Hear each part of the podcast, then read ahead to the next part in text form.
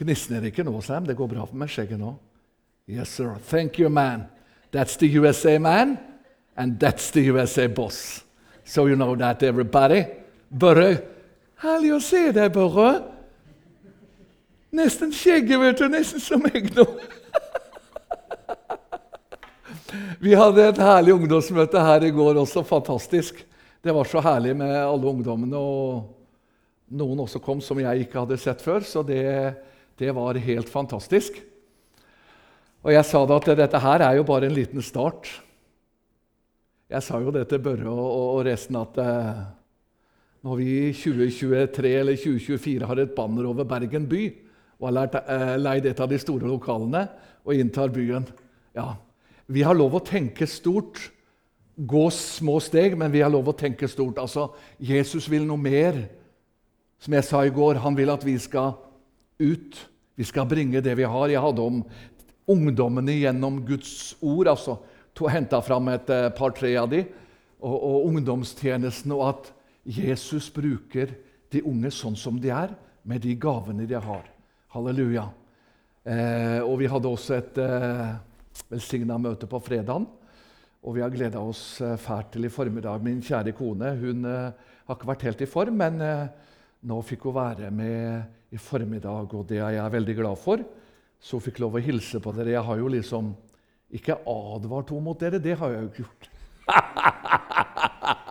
det har jeg ikke gjort. for at eh, dette er mitt, ja, Men jeg har forklart de forskjellige personligheter, sånn som Sam, og, og, litt amerikansk som meg, og litt forskjellig sånn, at dette her det er mitt andre hjem og en herlig familie. Og sånn skal det være. Altså, sånn har det jo alltid vært. At jeg kommer hit, så har jo dette vært mitt, min, min andre familie og mitt andre åndelige hjem. Takk og lov. Eh, jeg skal få lov bare også eh, informere litt for den som eh, ønsker det. Eh, jeg har, eh, til ungdommen i går så laga jeg en sånn. Jeg har noe som heter Kilden bibelskole. Det går på YouTube. Eh, og i en del menigheter som jeg er. Det er en dypere eh, undervisning av eh, en del temaer jeg har. Eh, og, som, og, der har jeg også mange eh, forskjellige tema. Det var om, eh, om ungdommen og ungdomstjenesten i går. Og så har jeg om forskjellige emner i Bibelen. Nådegavene, det profetiske ord, Kristi domstol, Jesus gjennom Det gamle testamentet og masse hvor det er dypere undervisning som også kan brukes som et andagshefte og hvor jeg henter inn en del andre ting også utenom Bibelen, som er Bibels historisk stoff og spennende. Det kan du skrive på Messenger, så kan du få deg eh, sendt en sånn en. Eh, I formiddag så skal vi slå opp i Johannes' åpenbaringsbok. Johannes' åpenbaringsbok. Det er godt dere har klokke her, for noen menigheter har de ikke klokke. vet du. Og vet, Jeg tror det har gått fem minutter, så har det gått 50 minutter. Og det, er jo litt, eh, det kan jo være litt tragisk, Erlend, kan det ikke det? eh, Åpenbaringsboken, eh, kapittel 3, eh, skal jeg eh, lese ifra. Johannes' åpenbaringsbok, kapittel 3. Jeg skal bare ta med noe før vi leser derifra. Jeg har kjent på mitt hjerte i formiddag at jeg skal eh, ikke ha den eh, bibellærende undervisningen, men evangelistsiden av det budskap Jesus har lagt på mitt hjerte. Eh, det profetiske ord, det er jo masse, men det er én setning som har eh, Jesus født hos meg til møte her i formiddag, og det er Jesus kommer snart. Eh, og Da ga han meg et avsnitt eh, i dette kapitlet eh, som vi skal dele sammen. Men eh, før vi leser det kapitlet Jeg bruker når jeg har bibeltimer, å gå dypere ting, også i informasjon. Informasjon er veldig viktig. Det er Guds folk som ikke er informert om hva som skjer i vår tid. Eh, men det er veldig viktig å se tiden. eh, som jeg var inne på i går til ungdommene. bl.a. så trykka jeg en del på profeten Daniel, den unge Daniel som ble tatt til fange. Han var en profet, en høvding, og ble en, en leder i Guds menighet. Men han var veldig klok og vis, og han studerte mye. Han gikk jo på treårig utdannelse hos kongen i Babel og lærte også mye om samfunnet han levde i. Eh, eh, og venner, vårt samfunn, som vi som kjenner til Guds ord, vårt samfunn er på full fart inn, og har vært det lenge, i det profetiske ord. Og når jeg reiser rundt i menigheter, eh, også når jeg står fast Vi står fast i en eh, fri menighet sørpå et par uker i måneden. Så har jeg også profetiske kvelder og Jesuskvelder. Så tar jeg med informasjon. Og det er masse ting nå som en del mennesker ikke er klar over og ikke vet. Men vi må være våken for ting som skjer. Jeg skal bare ta med noen få ting. Jeg har et utklipp her eh, fra en avis som sier at vi kan snart straffes for å si at Jesus er veien til frelse. Og det kan vi.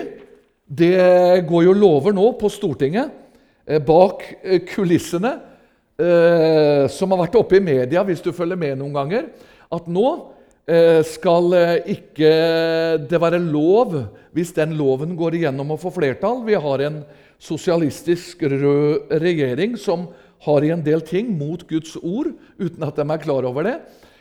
Og det skal ikke være lov snart å forkynne på denne talerstol at eh, vi sier at Jesus er den eneste vei.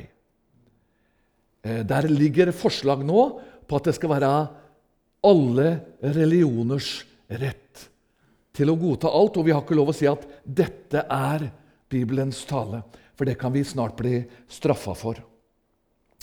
Eh, så har vi noe som til og med er i kristenheten. Eh, mange tror at Koranens Allah, Gud, er det samme som vår Gud.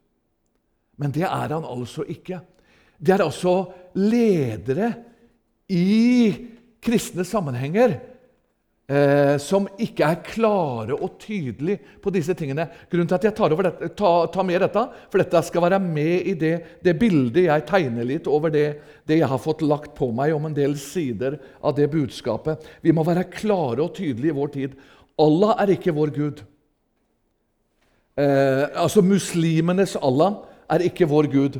Her har jeg eh, et utklipp fra eh, Gordons hjørne, Gordon Tobiassen.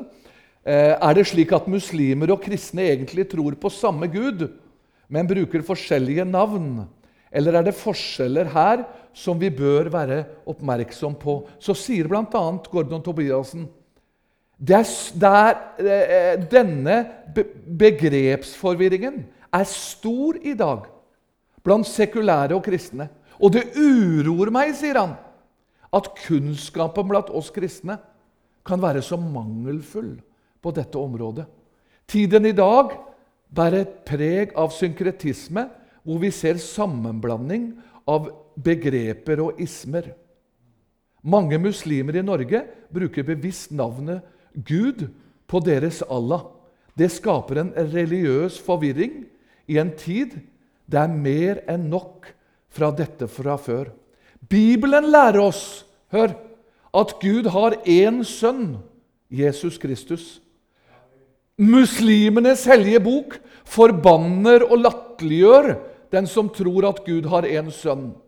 Jesus Kristus er nøkkelen til å forstå hvem Gud er. Blant mange skriftsteder sier Johannes dette tydelig. Ingen har noensinne sett Gud, den enbårne sønn, som er Faderens favn. Han har forklart ham det. Eh, og så sier han videre her Jeg skal bare eh, ta med det. Eh, han sier mye men det er veldig viktig. Hør! De fleste muslimer som kjenner Koranen, er enig i at den fornekter Jesus Kristus som Guds sønn og herre. Da blir Koranen en åpenbaring fra den kristne Gud, men ikke fra den kristne Gud, men fra en annen og fremmed Gud. Ja. Eh, er det noe å lese i kristne sammenhenger? Mange kristne er ikke klare og tydelige på dette. Frafallet, hvor begynner det? Det begynner når vi ikke er klare og tydelige. Det begynner når vi ikke har holdninger lenger. Når vi ikke er tydelige lenger. Dette hører med i det budskapet som er gitt meg ut ifra det avsnittet eh, vi har lest. En annen ting, Jeg skal ikke lese fra det, men en annen ting her er at eh, paven driver nå, og, den katolske kirke er i diskusjoner med EU om å lage én felles religion. Alle skal få ha sin religion, men bak teppet er det, er det paven og den katolske lære som skal være alle kirkers mor, og som skal styre inn i framtiden. Vi kjenner igjen det. Vi kjenner igjen det. Vi snakker ikke nå om den enkeltes frelse, men vi snakker om læresetninger. Dette er viktig. Nå kreves mer og mer. Menigheter og forsamlinger i kommunestyrer krever korset tas ned av bedehus og kirker. Men dette er Norge. Vi har en eh, kirkeminister, kaltes det før, som styrer over oss. Og nå er det ikke lenger han og hun, men hun er nå i ferd med å, å føre gjennom det tredje kjønn. Og det kan jo vi bli arrestert for snart. Vi kjenner til Finland. En av de øverste har en rettssak nå. Hun er kristen og advokat. Hun har sagt, hun har bare sitert Bibelen. Der er mann og kvinne. Nå er det rettssak. Hun har ikke lov til det. Venner, Bibelen sier det er mann og kvinne. Det fins ikke et tredje kjønn. Det er bare mann og kvinne. Det er Bibelens ord. Og så er det en, nøytral forsker som sier det norske folk blir rundlurt, sier hun. Og vet du hva hun sier? Eh, det norske folk er i ferd med å bli rundlurt. De faktiske forhold kommer ikke fram. Og så sier denne ufrelste forskeren Hør! De kristne må våkne og se hva som skjer. Men det er frelste som ikke er klar over hva som skjer. Er du klar over hva som skjer? Er vi våkne? For hvis vi bare ikke tar stilling til Som sagt, dette er med i budskapet jeg skal bringe fram. Hvis vi ikke tar stilling til ting, så sløves vi ubevisst. Og så ruller det inn. Ja. Eh, mye mer kunne jeg tatt med eh, om det, men eh, vi skal ikke gjøre det nå. Det var bare en innfallsvinkel for hva som skjer i vår tid, om det profetiske ord, om ting som ruller inn.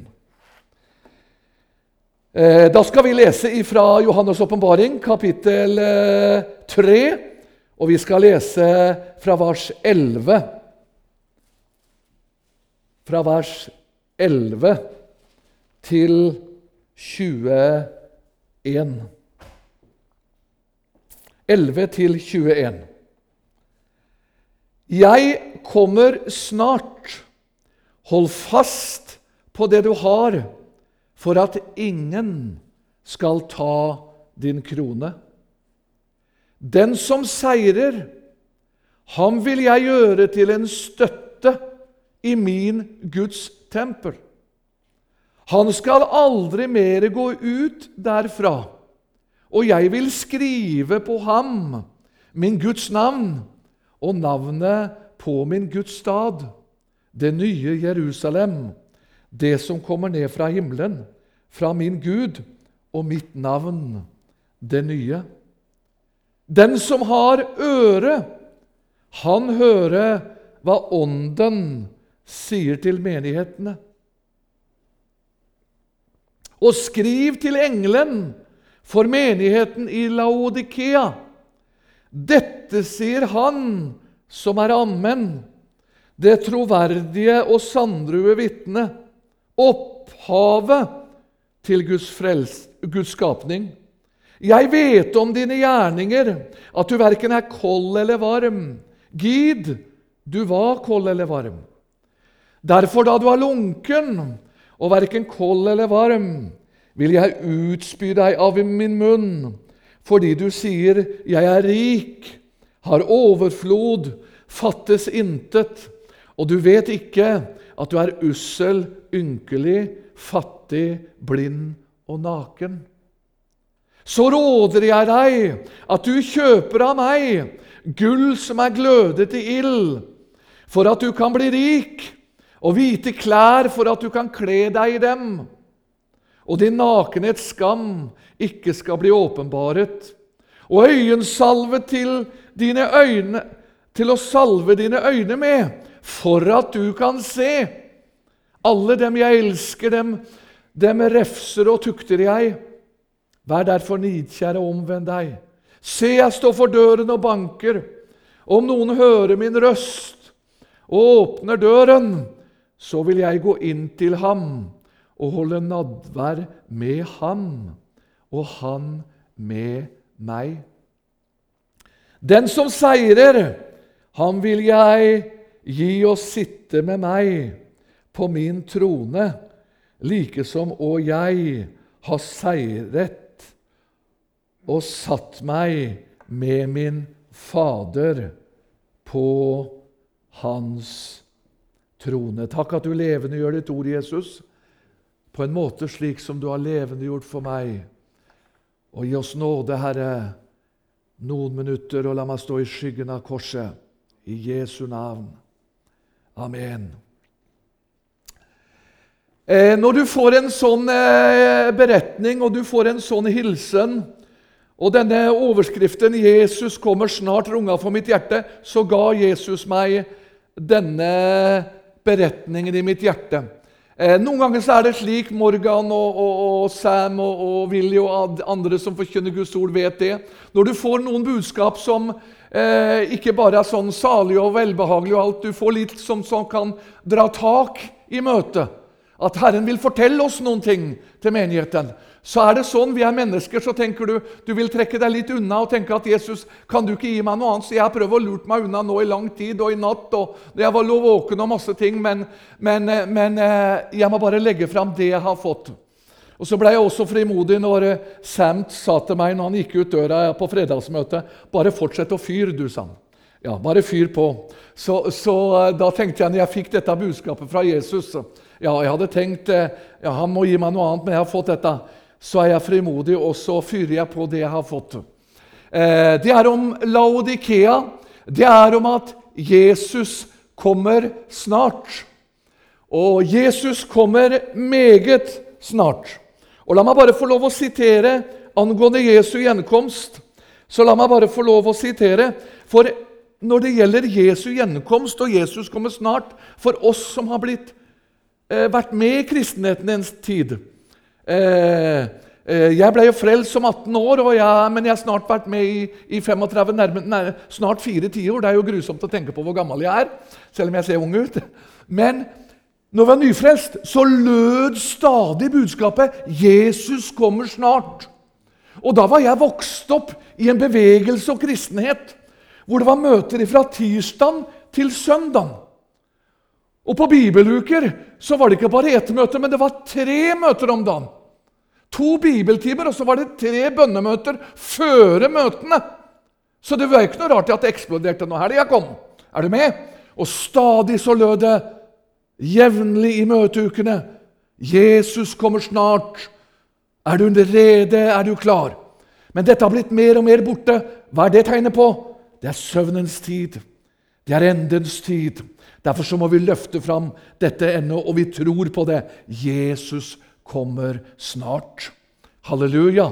Er vi rede? Og Jeg har et gammelt hefte her. Dere vet jeg elsker eh, hefter, og jeg elsker bøker, og jeg elsker å lese. Dette er av gamle høvding Frank Mangs. Den er så fillete at jeg stifta den sammen og teipa den sammen. og litt forskjellig.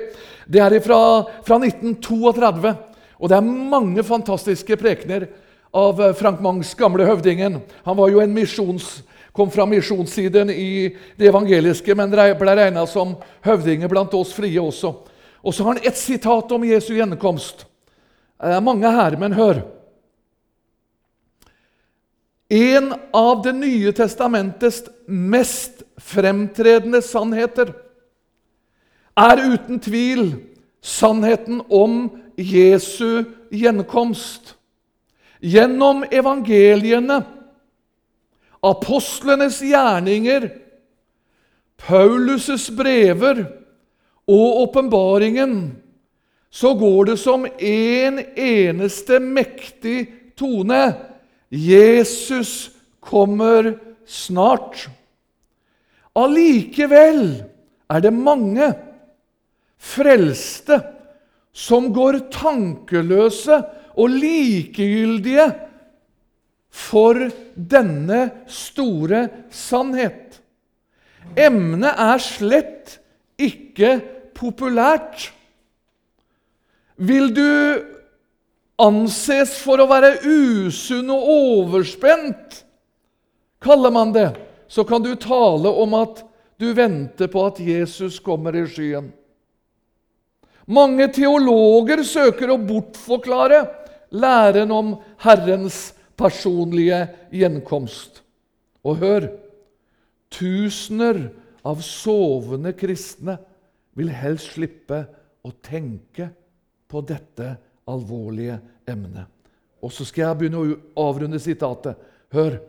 Det er heller ikke meningen med denne lille bok å søke å gi noen teologisk avhandling. Det er heller ikke meningen å søke bestemt dag eller tid, for det er det bare Jesus som vet. Men den eneste hensikt med disse linjer er å sende ut et vekkerrop til Guds folk i menneskesønnens dager. Må sannhetens ånd gi budskapet liv, og om mulig også gjennom dette lille skrift forsøke å vekke menneskene til å se at Jesus kommer snart. Halleluja! Venner, dette var en av våre høvdinger, en av flere som løfta fram dette budskapet. Jesus kommer meget snart. Halleluja! Er du klar? Er du våken? Det var dette budskapet som Laudikea også fikk. Se, jeg kommer snart. Hold fast på det du har, for at ingen skal ta din krone. Venner, vi har fått frelsen. Vi har fått noe dyrebart i vårt hjerte. Og da er det om å gjøre at jeg og du tar vare på det, så ikke fienden kommer inn i tankene våre, sinnet vårt, og drar oss sakte vekk ifra det brennende alter tett ved Jesu hjerte. Og jeg skal peke på to ting når det gjelder Laudokea. Det er mange ting her. Og jeg har bibeltimer også om disse menighetene, men det er eh, dypere undervisning. Nå er det evangelistsiden. Men jeg skal bare hente fram helt kort to ting som var en mangelvare, eh, og som eh, Laudikea hadde mistet. Og Det første leser vi om i vers 15. Det er det første her som jeg vil peke på som Gud og Jesus peker på, for dette er jo Johannes' åpenbaring, men egentlig er det Jesus sin åpenbaring. Det leser vi om i kapittel 1, som han ga over til Johannes. Så det er Jesus som taler her. Ved engelen og ved Den hellige ånd så sier han, 'Jeg vet om dine gjerninger', at du verken er kold eller varm. Gid du var kold eller varm. Og så leser jeg vers 18. Det er punkt to som jeg skal stanse ved. Jeg skal bare ta to, for vi kunne ha tatt mange. Så råder jeg deg at du kjøper av meg gull som er glødet i ild, for at du kan bli rik, og hvite klær, for at du kan kle deg i dem, og din nakenhets skam ikke skal bli åpenbaret, og øyensalve til å salve dine øyne med, for at du kan se. Første punktet, vers 15. Laudikea-menigheten hadde også vært en levende menighet. En brennende menighet med masse frelste sjeler. Men nå var de kommet inn i en lunken tilstand. Og venner, slik er det et bilde på vår kristenhet og evangeliske menigheter i dag. Og så får enhver personlig be om at Herren setter søkelyset på ditt hjerte. Men vi lever i en kristenhet som på en del områder har blitt lunken som Laodikea. Og hør! Jeg skal hente inn noen andre beretninger, som, en beretning som stadfester litt eh, disse, disse tingene her med lunkenhet. Hvordan blir man først og fremst lunken? Du skjønner, For de som har fått åpnede øyne og er klare i en del ting, så vil ikke først og fremst djevelen og Satan ha oss inn i åpenbare synder som vi er klar over, men han vil ha oss inn i en lunken tilstand. Og Gud sier, 'Jeg ønsker at du heller var kald.' Ja, eller varm, men fordi du er lunken. Altså Han ville heller ønske at den heller også var kald. Men det å komme inn i en likegyldig tilstand, det er farlig. Da reagerer vi ikke lenger. Og det var det eh, Laudikea hadde gjort. Og hvis du eh, går inn og så undersøker eh, og tydningen og bøyningen av likegyldighet En av de bøyningene det er det at man ikke tar standpunkt for ting lenger. Man velger å ikke ta avgjørelser lenger. Det er én side av likegyldighet. Og det var det egentlig Laudikea og mange gjør i dag. Vi tenker som så Nei, det her vil jeg ikke ta stilling til. Jeg vil ikke at det skal bli noe bråk nå. Nå får de ordne opp i det sjøl. Og det er vel og bra med vanlige ting, men når det gjelder Guds ord, når det gjelder den åndelige retningen, så kan vi ikke være lenger likegyldige i vår tid. Halleluja! Vi må si 'Herrens ord sier'. Og Guds ord sier igjen. Og så tok Jesus til enda en gang atter sier Guds ord. Halleluja! Det er dette vi må forholde oss til. Hør, min venn, du som lytter. Å, bare la Jeg skal ikke Jeg bare legger fram budskapet sånn som jeg har gjort som postmann gjør. Han bare åpner ikke brevet og leser det, han bare leverer det. Og så får adressaten eh, ta det som han vil. Men hør, hvordan er det med ditt liv? Er du likegyldig når Jesus ber deg til å stå opp i tiden? Er du likegyldig når Jesus ber deg om at du i din familie, i din omgangskrets, i ditt nabolag ikke gå ut og skrike ut hele tida 'Jesu navn' og, og tre ting nedover huet på folk. Det er ikke på den måten vi skal gjøre det. Men når du får spørsmål, når du kjenner at Den hellige ånd minner deg trekker du deg tilbake for å spare deg. For at da koster det ikke så mye. Det kan føre til lunkenhet, som i Laudikea. Du ble likegyldig. Det var det Laudikea hadde blitt. De hadde blitt likegyldige. Venner, vi må reise oss i denne tid og forkynne Guds ord klart og tydelig og si Så sier Jesus. Så sier Herren. Halleluja. Og et bilde på disse tingene Det er mange bilder på disse tingene. Dere vet jeg elsker Guds ord som dere gjør. Og et bilde på denne likegyldigheten, at man ikke tar lenger eh, står for ting. Om du bevisst eller ubevisst. Du velger, og så føres du en eller annen vei. Du vet, Når det gjelder Guds ord, så er det ikke noen middelvei. Nei. Guds ord er klart og tydelig. Jesus forkynner Guds ord er ja eller nei. Det er mange ting som kan være vanskelig.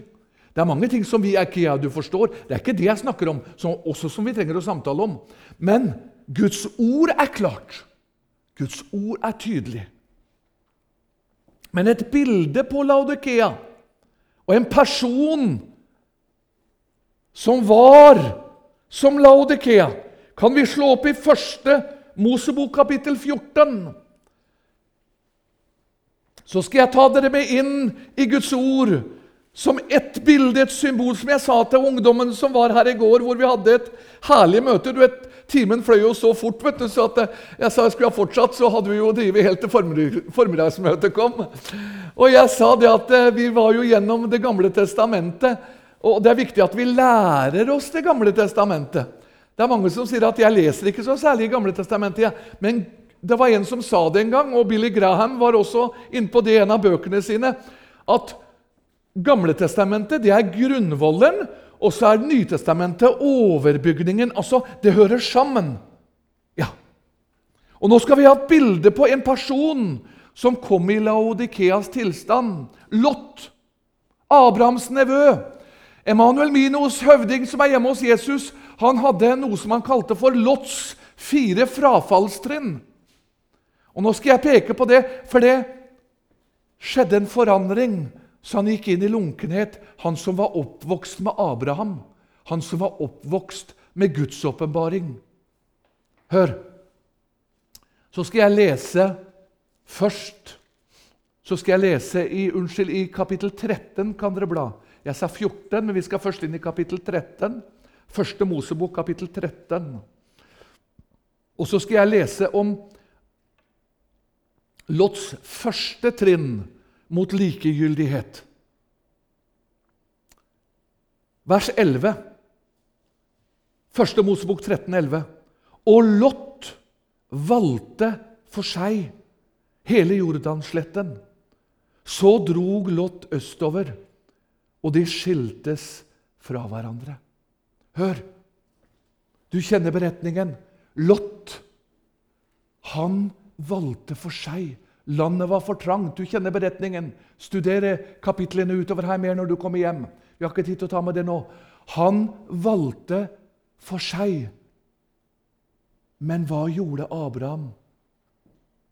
Han lot Lot velge, for han hadde tillit til Gud. Ja, Og Lot valgte for seg. Han valgte for sitt kjød. Det som hans øyne så var godt. Er du med? Ja. Det var det første trinn. Velger vi Guds vei, som jeg var også inne på, en av tingene til ungdommene i går Velger vi Guds vei, eller velger vi vår vei? Ja. Punkt to og trinn nummer to som førte Lot lenger fra Herren. Vers 12. Abraham ble boende i Kanans land, og Lot bodde i byene på sletten og drog med sine telt like bort til Sodoma. Det er punkt to i Lots frafall, eller ikke lenger så brennende, for å bruke det uttrykket. Det er ikke alle som er frafalne, som eh, vi nødvendigvis ikke ser i menigheten, ikke lenger er iblant oss. Nei. Men her med Lot så var det en Laodikea-tilstand i hjertet hans. Han hadde vært nær Abraham. Han hadde sett Guds åpenbaring med Abraham, vokset opp sammen med ham. Abraham bygde alter, personlig gudsliv. Er du med? Men vi leser ikke en gang at Lot bygde et alter. Hør, min venn. Det er en av kraftstasjonene for fornyelsen i vårt liv. At vi daglig i hjemme hos oss så er vi hos Herren i vårt lønnkammer. Om det ikke er mange minutter, timer, så tar vi noen minutter om dagen. Og så er vi hos ham med vårt personlige alter. Dette hadde Lot mistet. Det var punkt to eh, hos eh, Lot. Og så kommer vi videre til eh, Lot. Da leser vi videre om han i kapittel eh, 19. Kapittel 19 leser vi om Lodd. Lot. Kapittel 19.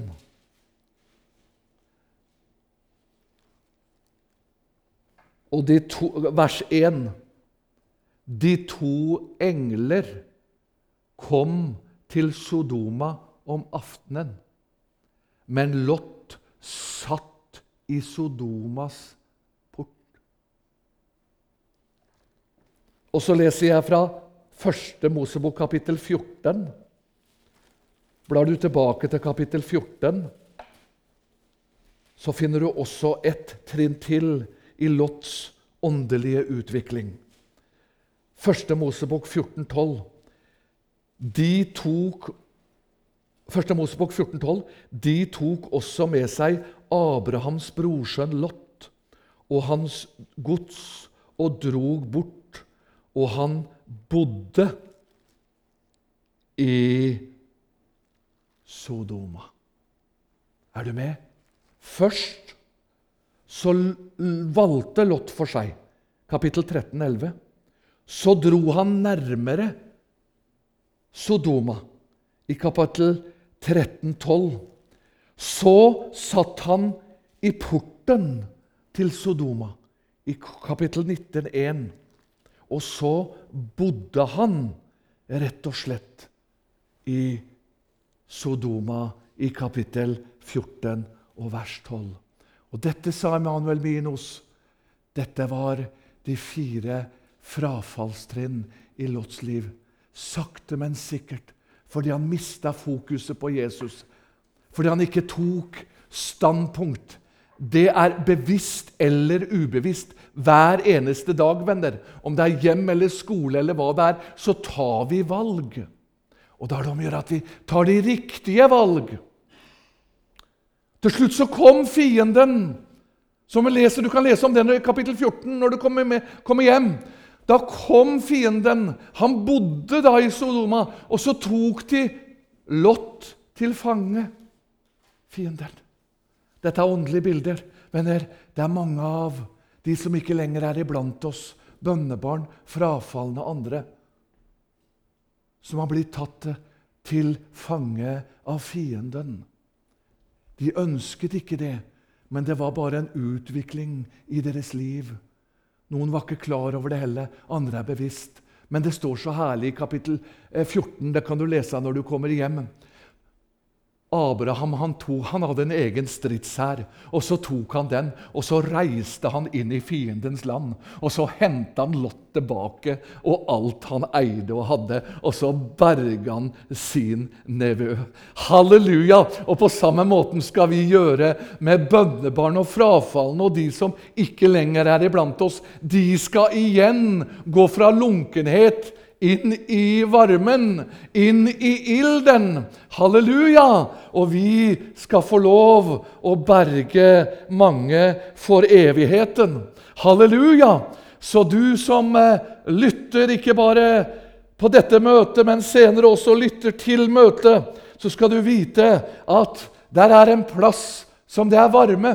Der er en plass du kan komme tilbake til. Og Jesus, han elsker deg. Halleluja. For det var nettopp det Jesus tilbød Laodikea-menigheten også. Dette Lot-bildet på Laodikea. Han var blitt lunken, han som var varm. Men han ga et håp.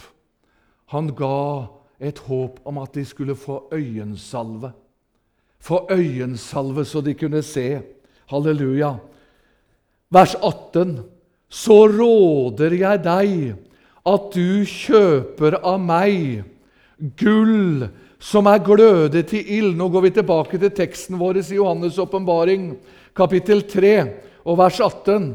Så råder jeg deg at du kjøper av meg gull som er glødet til ild, for at de kan bli rik, og hvite klær, for at du kan kle deg i dem, og din nakenhets skam ikke skal bli åpenbaret, og øyensalve til og salve dine øyne med, for at du kan se. Halleluja! Venner, den andre tingen de trengte i Laudikea, det var at salvelsen igjen skulle begynne å flyte. Hør! Det å være frelst det betyr ikke Du kan være frelst uten å ha salvelse. Uten å leve i åpenbaringen. Du kan det. Men nå er det på tide at vi får salvelse igjen og åpenbaring igjen, så vi kan få lov å gå enda mer inn i den åndelige verden, som jeg fortalte ungdommene i går om Daniel. En av hans kvalifikasjoner som gjorde at han også, hovednøkler, ble en veldig kraftig Guds hær, det var hans syner, drømmer og åpenbaringer. Ja, det er mange syner og drømmer og åpenbaringer som ikke stemmer. Det må stemme med Bibelen. Det må stemme med Guds ord. Det må være rett ut ifra Guds ord. Men venner, vi trenger salveolje. Vi trenger salveolje i dag. Og menigheten i Laode, byen Laodikea var litt spesiell. Eh, når det gjelder eh, byen Laodikea, eh, så var det noen ganger når Jesus taler, eh, så er det ikke tilfeldig. Eh, men når Jesus fortalte til Laodikea om denne salveoljen, så var det en by som var kjent med dette som hadde med øynene å gjøre. For han snakker her om øynene, ikke sant? De åndelige øynene. Eh, og Jeg skal bare ta ut fra noen av mine historiske bibelske notater. Eh, Laodikea, hør, var berømt og kjent for sin legeskole. Og de produserte øyemedisin, som var et pulver eh, som du kunne legge på øynene, og så blei eh, dem bedre av det. Og det var ikke vanskelig for de frelste i byen og i menigheten å forstå hva Jesus mente når de fikk denne oppfordringen ifra Jesus. For denne øyensalve som byen Laodikea var kjent for, på denne legeklinikken, den blei produsert på legeskolen her i Laodikea. Og den hadde en helbredende virkning for deres øyne. Og venner, vi trenger en helbredende salveolje som gjør at vi kan begynne å se igjen Se inn i vår åndens verden. Se inn i Guds åpenbaring. Og du som har begynt å gli, som ikke lenger er hos Jesus. Du som lytter til, og som ikke lenger står opp for ting, likegyldig for ting. Nå er tiden inne. Nå må vi stå opp for Guds ord. I denne tid er det på tide å stå opp for Guds ord og for det som Jesus minner oss om.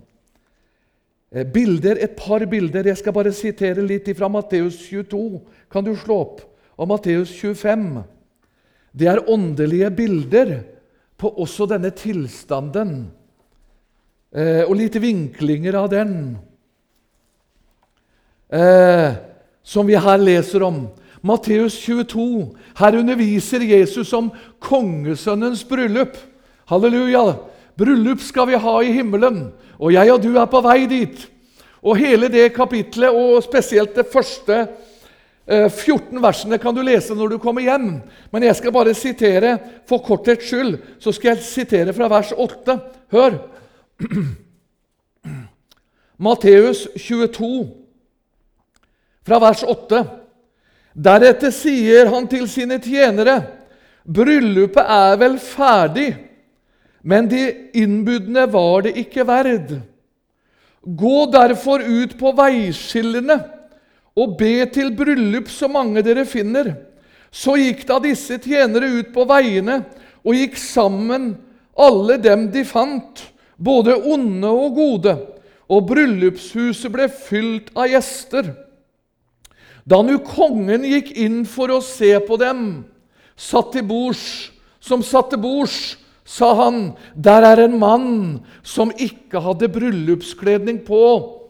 Og han sa til ham, 'Min venn, hvorledes er du kommet inn her og har ikke bryllupskledning på?' Men han tidde. Da sa kongen til tjenerne, 'Bind hender og føtter på ham, kast ham ut i mørket utenfor.' Der skal være gråt og tenners gnitsel, for mange er kalt, men få er utvalgt. Hør, min kjære venn, før jeg går inn i neste beretning, bare for å ta en liten parentes, vi har ikke tid til å gå i dybden. Hvordan har du kommet inn her og har ingen bryllupskledning på? Det er ingen som kommer inn i himmelen uten at de har adgangen gjennom Jesu blod, for det er bare det som er billetten. Men her er det en lignelse. Jesus vil fortelle noen ting. Og blant annet En av de han vil, vil fortelle, det er at vi må ha bryllupskledning på for å komme inn i himmelen. Da holder det ikke med å komme inn i arken og sette seg her og vokse opp blant barn og ungdom og bare være her. Men vi må ta et standpunkt for Jesus. Jeg er vokst opp i en kristen familie. Min pappa og mamma reiste rundt og forkynte. Og jeg trodde det var vel og bra. Men det var ikke nok. Jeg måtte bli frelst. Jeg må bli født på ny! Men så tok jeg ikke valget, og så fikk jeg noen år som frafallen. Men så kom jeg tilbake, og så ble jeg frelst. Venner, vi må igjen våkne, få salveolje, komme oss ut av den lunkne tilstand, også som forkynnere og, og lederskap i kristenheten i dag. Og så må vi forkynne et klart og tydelig budskap også til ungdommen. Der vi er. Vi har ungdomskonferanser og ungdoms Møter både her og der hvor man aldri hører forkynnelsen om 'du må bli frelst', 'du må bli født på ny'. Det er mye borte i vår tid, men mener, det er eneste billetten til himmelen.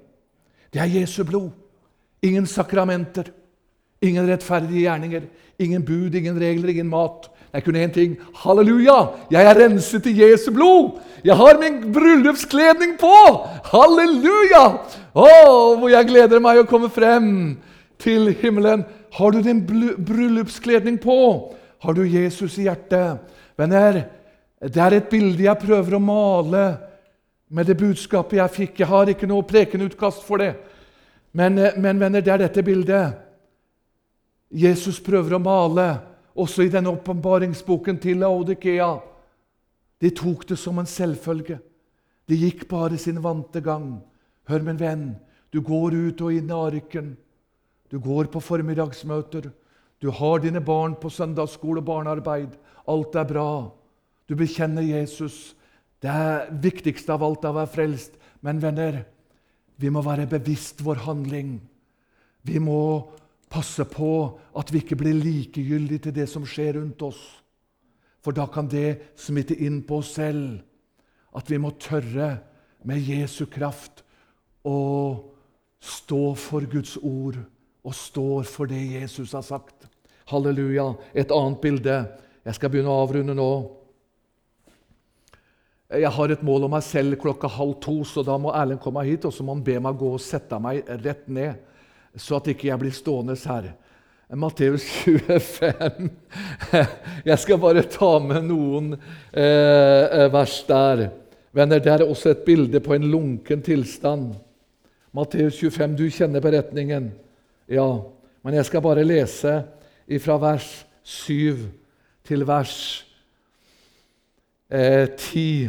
7 til 10. Så leser du beretningen når du kommer ned. Eller vi tar med til vers 13. 7 til 13. Da våknet alle jomfruene, gjorde sine lamper i stand. Matteus 25, 7. Men de dårlige sa til de kloke, gis av deres olje, våre lamper slukner. Men de kloke svarte, nei, det vil ikke bli nok både til oss og til dere. Gå heller til kjøpmennene og kjøp det dere selv. Men mens de gikk bort for å kjøpe, kom brudgommen, og de som var rede, gikk inn med ham til bryllupet. Døren ble lukket. Til sist kom da også de andre jomfruer og sa, Herre, Herre, lukk opp for oss.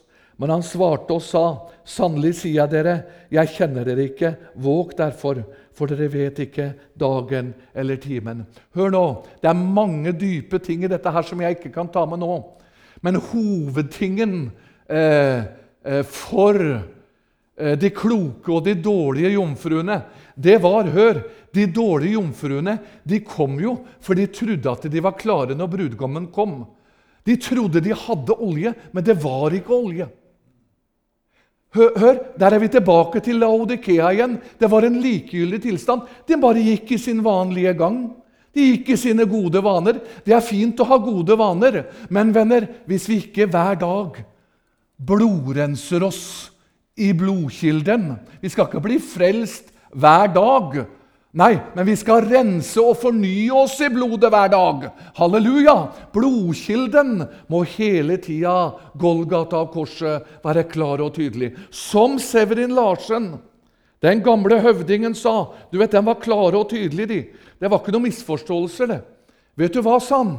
Hovedforskjellen på en god og klok jomfru Severin Larsen var jo en baptisthøvding, men ble regnet som en pinsehøvding. Og Han eh, var jo en herlig forkynner. Vi som har lest om han, så sier han forskjellen på den kloke og dårlige jomfruen Hovedforskjellen var at en god jomfru er stadig søkende etter mer av Jesus, mens en dårlig jomfru er fornøyd med det den har. Er du med meg? Vi skal være fornøyd med det vi har, men vi må søke mer inn til Jesus. Mer inn i kraften, mer inn i salvelsen. Jesus, jeg ønsker at du fyller meg mer med nådegaver. Jesus, jeg ønsker at du fyller meg mer med kraft, så jeg kan få lov å være et enda mer lys for mine naboer. Jeg stiller deg spørsmålet. Naboen din skal ikke svare for deg. Du skal svare sjøl. Gjennom de få månedene eller årene eller tiårene du har bodd og jobba der du er, på din arbeidsplass, hvor mange ganger har du fått lov å løfte lyset om Jesus? Til dine naboer, hvor mange ganger har du fått lov å pekt på Jesus? Men jeg stiller kanskje noen vanskelige spørsmål her. Men det er dette som har med likegyldighet å gjøre, at vi holder oss våken. Som jeg sa i begynnelsen, vi skal ikke gå rundt og filleriste folk og rope og skrike og, og, og vise oss u, uh, unormale. Nei, vi, vi, lever et naturlig kristenliv, som Jesus gjorde. Lever naturlig i det åndelige. Men samtidig så benytter vi anledningen. Når du sitter ved frokostbordet med din familie og barn, at vi ber Jesus, la oss få lov å peke på deg i dag. Vis oss en sjel nå, Jesus. Gi meg der hvor jeg går i Kiwi-butikken eller Rema 1000-butikken, eller eh, hvor jeg er om jeg er eh, hvor som helst i hverdagen, eller hobbyer eller interesser. La meg få lov å vise deg nå, Jesus. Halleluja! Ja, det er en lengtende jomfru. En sånn lengtende jomfru. Det blir en Philadelphia-menighet. Det blir et Philadelphia-liv. Men en Ladokea-tilstand, da er du fornøyd med det du har. Du setter deg tilbake. Men faren da er at du glir bakover. Stadig må vi søke framover. Ja, vil ha mye, mye mer av det liv som anden gir. Karl Øste. Halleluja! Ja, vil ha mye, mye mer. Og så får det koke over. Ja. Det er noen som er redd for rop og skrik og litt originalitet. vet du. Ja, Da kan de i hvert fall ikke be meg komme, for det er jo håpløst. Men det var som en sa en gang, han sto utafor et lokale. Det var vel innen misjonsgrenen og indremisjon hvor Guds ånd hadde falt. da.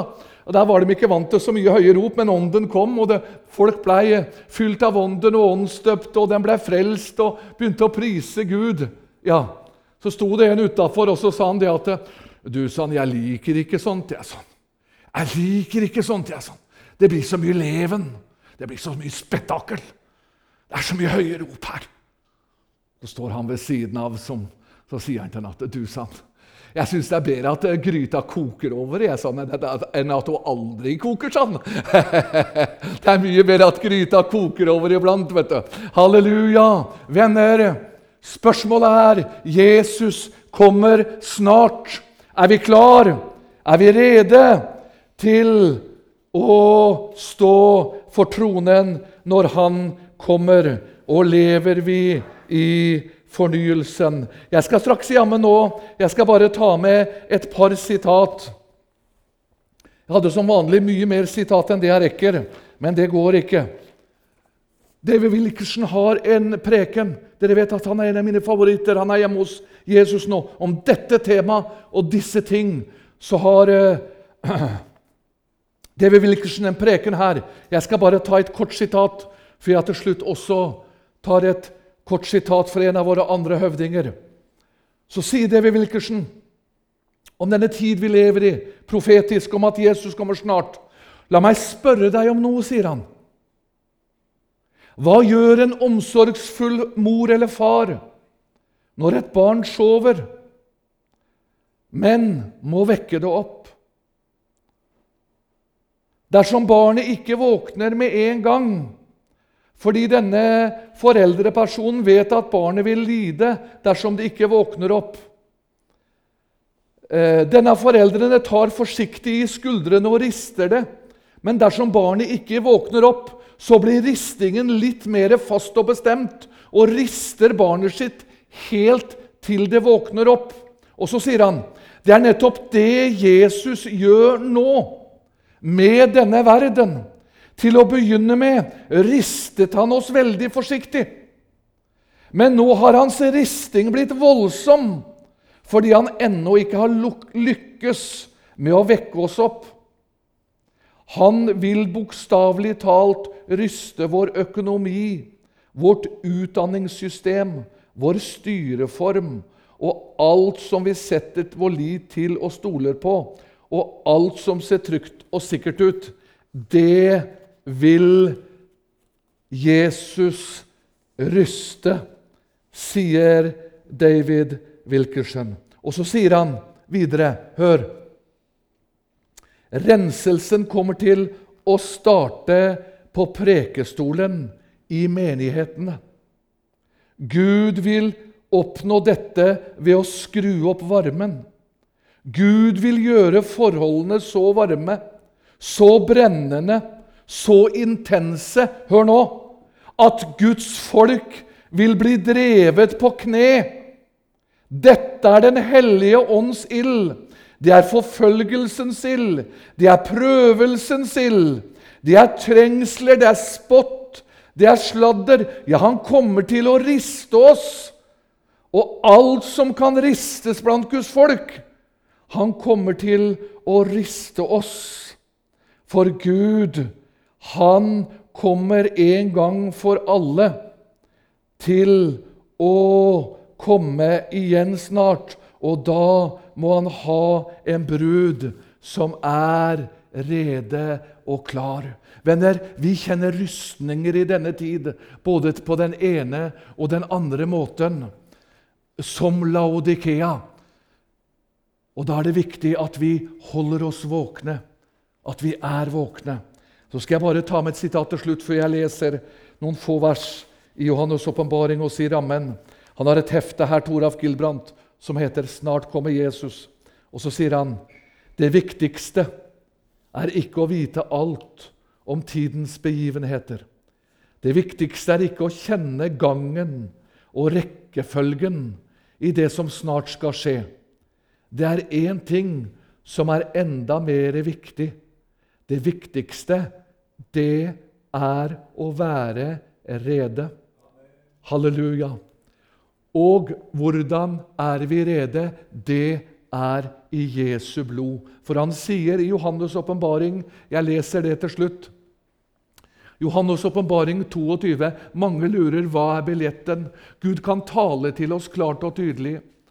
Og vi kan være frelst, og vi kan ha mangler, vi kan gjøre feil, og vi kan være ikke i den tilstand vi ønsker, men frelsen vår den er ikke belagt på hva vi føler og hva vi kjenner, og at vi er fullkommen.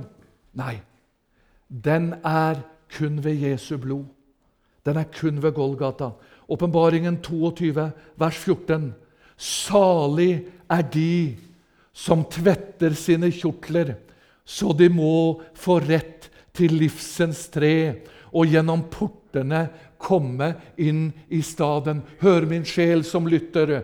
Den eneste billetten til himmelen, det er ikke hva du har fått til. Det er ikke dine medaljer. Det er ikke hvor flink og dyktig du er. Det er ikke om du er predikant eller hva du er. Det er én ting. Det er Jesu Kristi blod. Halleluja. Og så sier Johannes til slutt, 'Jeg kommer snart'. Amen. Kom, Herre Jesus. Amen. Halleluja. Takk, Jesus, at vi får prise deg fordi at du er her. Takk at du kommer snart. Og så hjelper du oss, Jesus, å gjøre som eh, du har gitt beskjed om, at vi, Jesus, tar til oss salve og olje. At vi ikke blir likegyldige så vi blir lunkne, men at vi er varme. At vi i denne tid, Jesus, når du minner oss om å stå opp for deg i vår familie, for våre barn, for mitt nabolag, for mine miljøer, mitt samfunn. Tilgi meg, Jesus, for alle de gangene jeg ikke har vært lydig. Og så gir du oss kraft nå. Nå skal vi reise oss som Guds folke. Nå skal vi ha mange bønnebarn med. Nå skal vi ha mange frafalne med. Ja, nå skal vi, Jesus, ikke være innadvendt, men nå skal vi hente kraften på kne hos deg, i bønn, i innvielse. Og så skal vi gå ut, og så skal vi hente de som ennå vi kan få lov å hente før du kommer. Det er masse bønnebarn, det er masse frafall, det er masse lengtende og som skal hentes inn i menigheten. Halleluja! Fordi at du kommer snart. Amen.